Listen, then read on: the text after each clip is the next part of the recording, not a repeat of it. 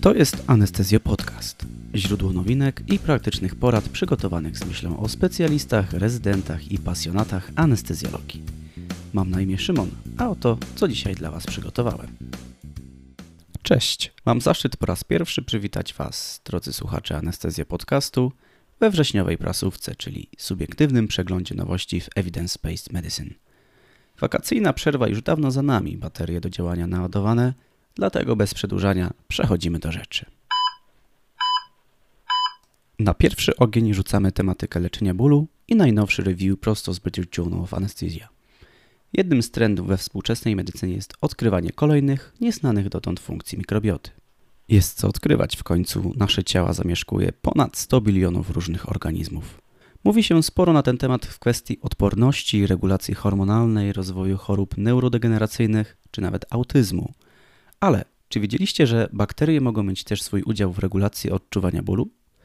W przytoczonym artykule zespół Ranguo podsumowuje 80 artykułów na temat metabolitów, neurotransmiterów i modulatorów mogących wpływać na odczuwanie bólu trzewnego. Część publikacji podaje, że podawanie antybiotyków na wczesnych etapach życia u myszy prowadziło do nasilenia odczuwania bólu trzewnego w przyszłości. Inne badania przedkliniczne wskazywały na różny wpływ probiotyków na aktywność receptorów, np. Lactobacillus acidophilus, popularna i obecna w wielu przetworach pałeczka kwasu mlekowego, w warunkach laboratoryjnych pobudzała receptory opioidowe Mi oraz kanabinoidowe w komórkach nabłąkowych jelita. Przytaczane są doniesienia o skuteczności różnych probiotyków w zmniejszaniu dolegliwości bólowych u pacjentów ze schorzeniami gastroenterologicznymi, szczególnie w zespole jelita drażliwego. Spójrzmy teraz z przeciwnego punktu widzenia. Leki przeciwbólowe w większości niekorzystnie wpływają na funkcjonowanie układu pokarmowego. Dobrze znane są działania uboczne NLPZ-ów na wytwarzanie ochronnych prostaglandyn, czy też zapierające działania opioidów. Do tej listy możemy dodać związek tolerancji na opioidy z zaburzeniem składu mikrobioty oraz zaburzonym funkcjonowaniem bariery jelitowej, w tym nasileniem translokacji bakteryjnej. Badanie przeprowadzone w populacji chorych na chorobę leśniowskiego krona wykazało aż półtorakrotny wzrost śmiertelności i aż trzykrotny wzrost ryzyka infekcji w grupie przyjmujących opioidy. Autorzy zauważają, że w przypadku przewlekłych dolegliwości bólowych chorym często towarzyszy depresja i zaburzenia lękowe, a dla których również wykazano związki z zaburzeniami mikrobioty. Wnioski z tego są dwa. Należy kontynuować próby opracowywania optymalnych diet dla pacjentów z dolegliwościami bólowymi oraz badania mające na celu poznanie receptorów i przekaźników zaangażowanych w komunikację między mikroorganizmami a naszym organizmem, dzięki czemu możliwe będzie opracowywanie nowych leków wykorzystujących odkryte mechanizmy w skutecznym leczeniu bólu przewlekłego. Oprócz poszukiwania nowych leków, staramy się wykorzystywać także istniejące w jeszcze lepszy sposób. Tym razem nowinka z Anesthesiology News. Badacze z Houston oszacowali ekwiwalent sufentanylu podawany podjęzykowo, odpowiadający dożylnej morfinie. I tak 15 mikrogramów sufentanylu podane podjęzykowo daje efekt analgetyczny równy 2,5 mg dożylnej dawki morfiny. Omijanie drogi dożylnej ma swoje zalety, szczególnie w przypadku opioidów. Lek podany np. drogą podjęzykową będzie dłużej uwalniany, jego działanie przedłużone, a stężenie stabilne. Wiąże się to z lepszą kontrolą bólu, ale też z mniejszym ryzykiem depresji oddechowej. Nie zwalnia to jednak z konieczności monitorowania pacjenta. Przewaga sufentanylu nad morfiną to brak aktywnych metabolitów, większe bezpieczeństwo stosowania. Oczywiście, tak jak mówiłem wcześniej, należy nadal monitorować stan pacjenta po podaży opioidów. Kilka słów odnośnie metodyki badania. Badacze wybrali grupę pacjentów, którzy byli poddawani otwartym zabiegom brzusznym lub dużym zabiegom ortopedycznym i losowo przydzielali ich do podania 15 mikrogram sufentanylu oraz siarczanu morfiny. Następnie kontrolowano u nich natężenie bólu przez kolejne 48 godzin. O sukcesie kontroli decydowało stwierdzenie przez pacjenta, że kontrola bólu była u niego zadowalająca lub bardzo dobra. I tak dla grupy z podjęzykowym sufentanylem zadowolonych było 78,5% pacjentów, natomiast w grupie z dożylną morfiną było to odpowiednio 65,6%.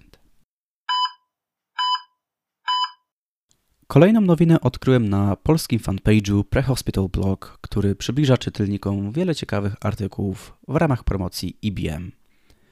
Właściwą preoksygenację uznajemy za niezbędny warunek bezpiecznej intubacji. Jak jednak sprawdzić jej skuteczność? Czy pomiar saturacji jest tutaj wiarygodny?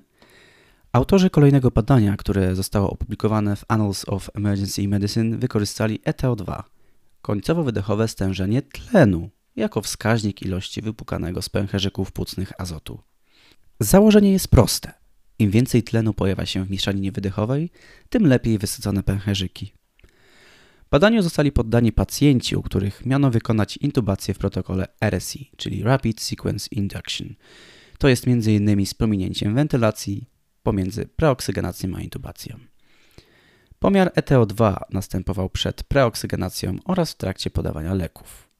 Jak się okazało, tylko u 25% pacjentów intubowanych w trybie RSI w warunkach szpitalnego oddziału ratunkowego uzyskano satysfakcjonujący wynik powyżej 85% tlenu w mieszaninie wydechowej. Wniosek z tego taki, że końcowo-wydechowe stężenie tlenu może być przydatnym parametrem pomagającym usprawnić preoksygenację, co może być szczególnie przydatne w sytuacjach klinicznych wymagających protokołu RSI. Oczywiste jest to, że tylko dzięki nowym badaniom naukowym, zwłaszcza tym opartym o liczne grupy badawcze, randomizowane, medycyna idzie do przodu. Nadal jednak w wielu kwestiach posługujemy się paradogmatami, które wynikają na przykład z bezpośredniego przenoszenia modeli zwierzęcych. Ciekawym głosem w sprawie IBM w intensywnej terapii może być przegląd skuteczności badań opublikowanych w ciągu 10 ostatnich lat, który został przedstawiony w czasopiśmie Critical Care Medicine.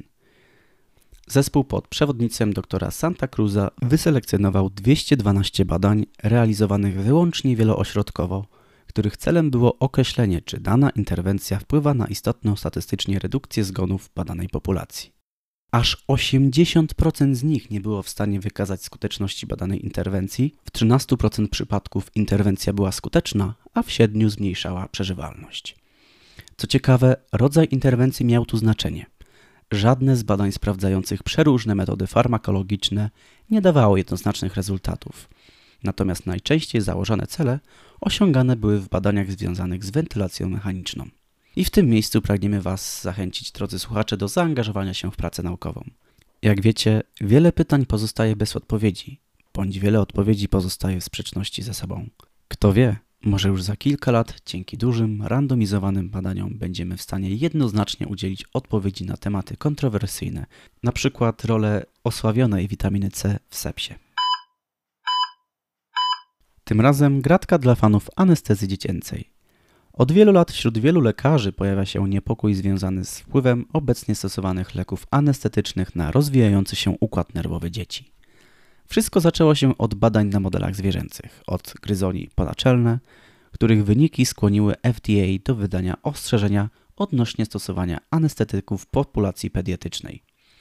Od tego czasu w literaturze pojawiło się kilka badań retrospektywnych, których wyniki stały ze sobą w sprzeczności. W tym roku w Lancecie opublikowano zaktualizowane wyniki badania GAS, czyli General vs. Spinal Anesthesia – gdzie prospektywnie oceniano rozwój psychoruchowy w grupie ponad 700 pacjentów po 5 latach od znieczulenia. Trzy lata wcześniej ten sam zespół podał do wiadomości wstępne dane po dwóch latach od anestezji. Ku uciesze praktyków oraz, jak się domyślamy, rodziców, badanie GAS nie wykazało negatywnego wpływu pojedynczego znieczulenia na układ nerwowy dzieci. Editorial z najnowszego Anesthesiology odwołuje się i zbiera wyniki badań PANDA MASK, których rezultaty okazały się zbieżne z badaniem GAS. Warto zaznaczyć, że wspomniane doświadczenia dotyczą wyłącznie pojedynczych znieczuleń trwających około godziny. Co zatem z najmłodszymi, którzy na przykład ze względu na wady wrodzone poddawani są wielokrotnym zabiegom chirurgicznym? Z tego względu artykuł którego tytuł to No Evidence of Clinical Anesthetic Neurotoxicity, może wydawać się przedwcześnie hura optymistyczny. Czy na sali operacyjnej powinniśmy tolerować chamskie zachowania? Często możemy być świadkiem utarczek słownych pomiędzy poirytowanymi lekarzami, nie wnikając w przyczyny tych, tych utarczek, to zawinił lekarz, e, operator czy anestezjolog. Specyficzna forma radzenia sobie ze stresem, czy może wyraz braku kultury, Słaba komunikacja jest przyczyną wielu błędów medycznych. Tak twierdzi w wywiadzie z Anesthesiology News dr Daniel Katz, autor doświadczenia wykorzystującego symulowaną salę operacyjną. W ramach badania 76 rezydentów anestezjologii przydzielono do dwóch prób z udziałem aktorów chirurgów. Scenariusz obu prób obejmował postępowanie w przypadku krwotoku. W próbie badawczej aktor miał się wcielić w niecierpliwego, gburowatego, lecz o dziwo nie używającego wulgaryzmów operatora. Natomiast w próbie kontrolnej chirurg miał zachowywać się uprzejmie. Ocenie poddawano zachowanie rezydentów, to jest czujność, umiejętność zarządzania sytuacją kryzysową. Badacze zadbali o to, by ocena była możliwie jak najbardziej obiektywna. Oceniający nie widzieli twarzy osób obecnych na nagraniach, a ich głosy zostały zmienione w sposób uniemożliwiający identyfikację płci. Wyników raczej można się spodziewać. Otóż blisko 91% rezydentów radziło sobie z zadaniem w grupie kontrolnej, natomiast w agresywnym środowisku odsetek ten spadł aż do 64%. Podstawowe błędy w tej grupie obejmowały pomijanie bolusów płynowych, opóźnioną decyzję o transfuzji czy brak konsultacji w sprawie dalszego postępowania z chirurgiem. Badacze wskazują, że wnioski z badania ograniczone są przez możliwości symulacji, które nie uwzględniają wszystkich czynników obecnych na sali operacyjnej. Samo badanie bardzo dobrze pokazuje destrukcyjny wpływ niskiej kultury pracy na jej efektywność. Być może sami spotykacie się z takimi warunkami w pracy, warto jest spróbować coś w tym zmienić, nie tyle z troski o własny komfort, ale też o bezpieczeństwo waszych pacjentów. Poprzednim odcinku prasówki Staszek opowiadał o coraz większej liczbie badań wskazujących na wpływ zastosowanej techniki znieczulenia na powodzenie zabiegów onkologicznych. W najnowszym wydaniu British Journal of Anesthesia pojawiły się dwa badania omawiające supresyjny wpływ propofolu na komórki nowotworowe. Pierwsze z nich bazowało na porównaniu anestezji sewofluranem i propofolem u myszy poddanych ksenotransplantacji, to znaczy wszczepieniu obcogatunkowych komórek nowotworowych, w tym wypadku komórek ludzkiego raka jelita grubego. Po 15-17 dniach myszy poddano znieczuleniu sewofluranem w stężeniu 1,5% lub propofolem w dawce 20 mikrogramów na kilogram masy ciała. Następnego dnia pobrano próbki z komórek guza, które następnie poddano badaniom genetycznym – w grupie z sewofluranem odkryto nasilenie ekspresji 19 spośród 84 genów nowotworowych, a w grupie z propofolem tylko dwóch, z czego jeden był supresorowy. Podsumowując, dzięki wykorzystaniu propofolu osiągnięto nieznacznie wydłużony czas przeżycia oraz uzyskano względne zmniejszenie wymiarów guza. Drugie badanie skupiło się na analizie wpływu propofolu na ekspresję HIF-1-alfa, czynnika indukowanego hipoksją, ale też np. izofluranem – oraz PEDF, czynnika z nabłonka barwnikowego siatkówki. Oba czynniki świadczą o zaburzeniu metabolizmu glukozy w komórkach nowotworowych. W badaniu wykorzystano różne linie komórkowe poddane dawkom propofolu w zakresie 1 do 10 mikrogramów na mililitr. Uzyskane w badaniach genetycznych dane wskazały na zwiększenie ekspresji genów antynowotworowych i odpowiednio jej zmniejszenie w grupie genów pronowotworowych, w tym m.in. transportera GLUT1 dla glukozy.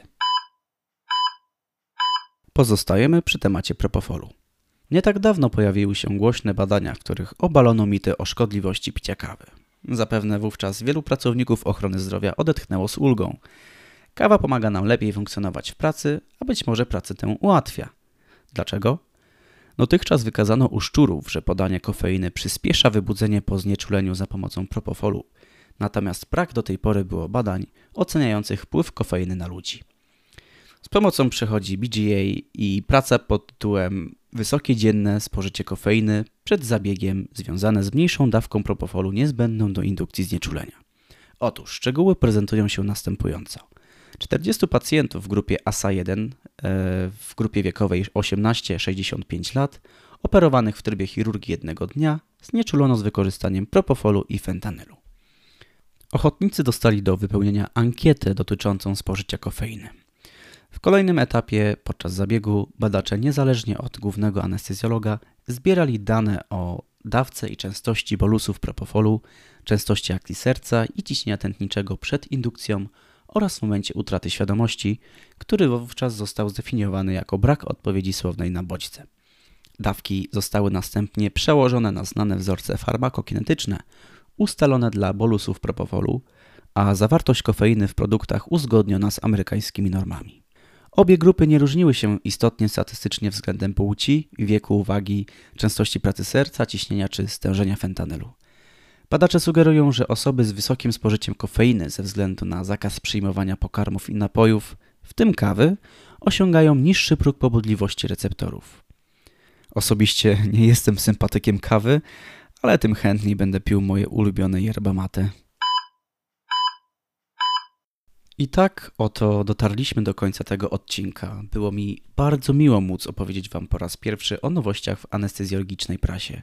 Dziękuję za uwagę i do usłyszenia w kolejnym odcinku.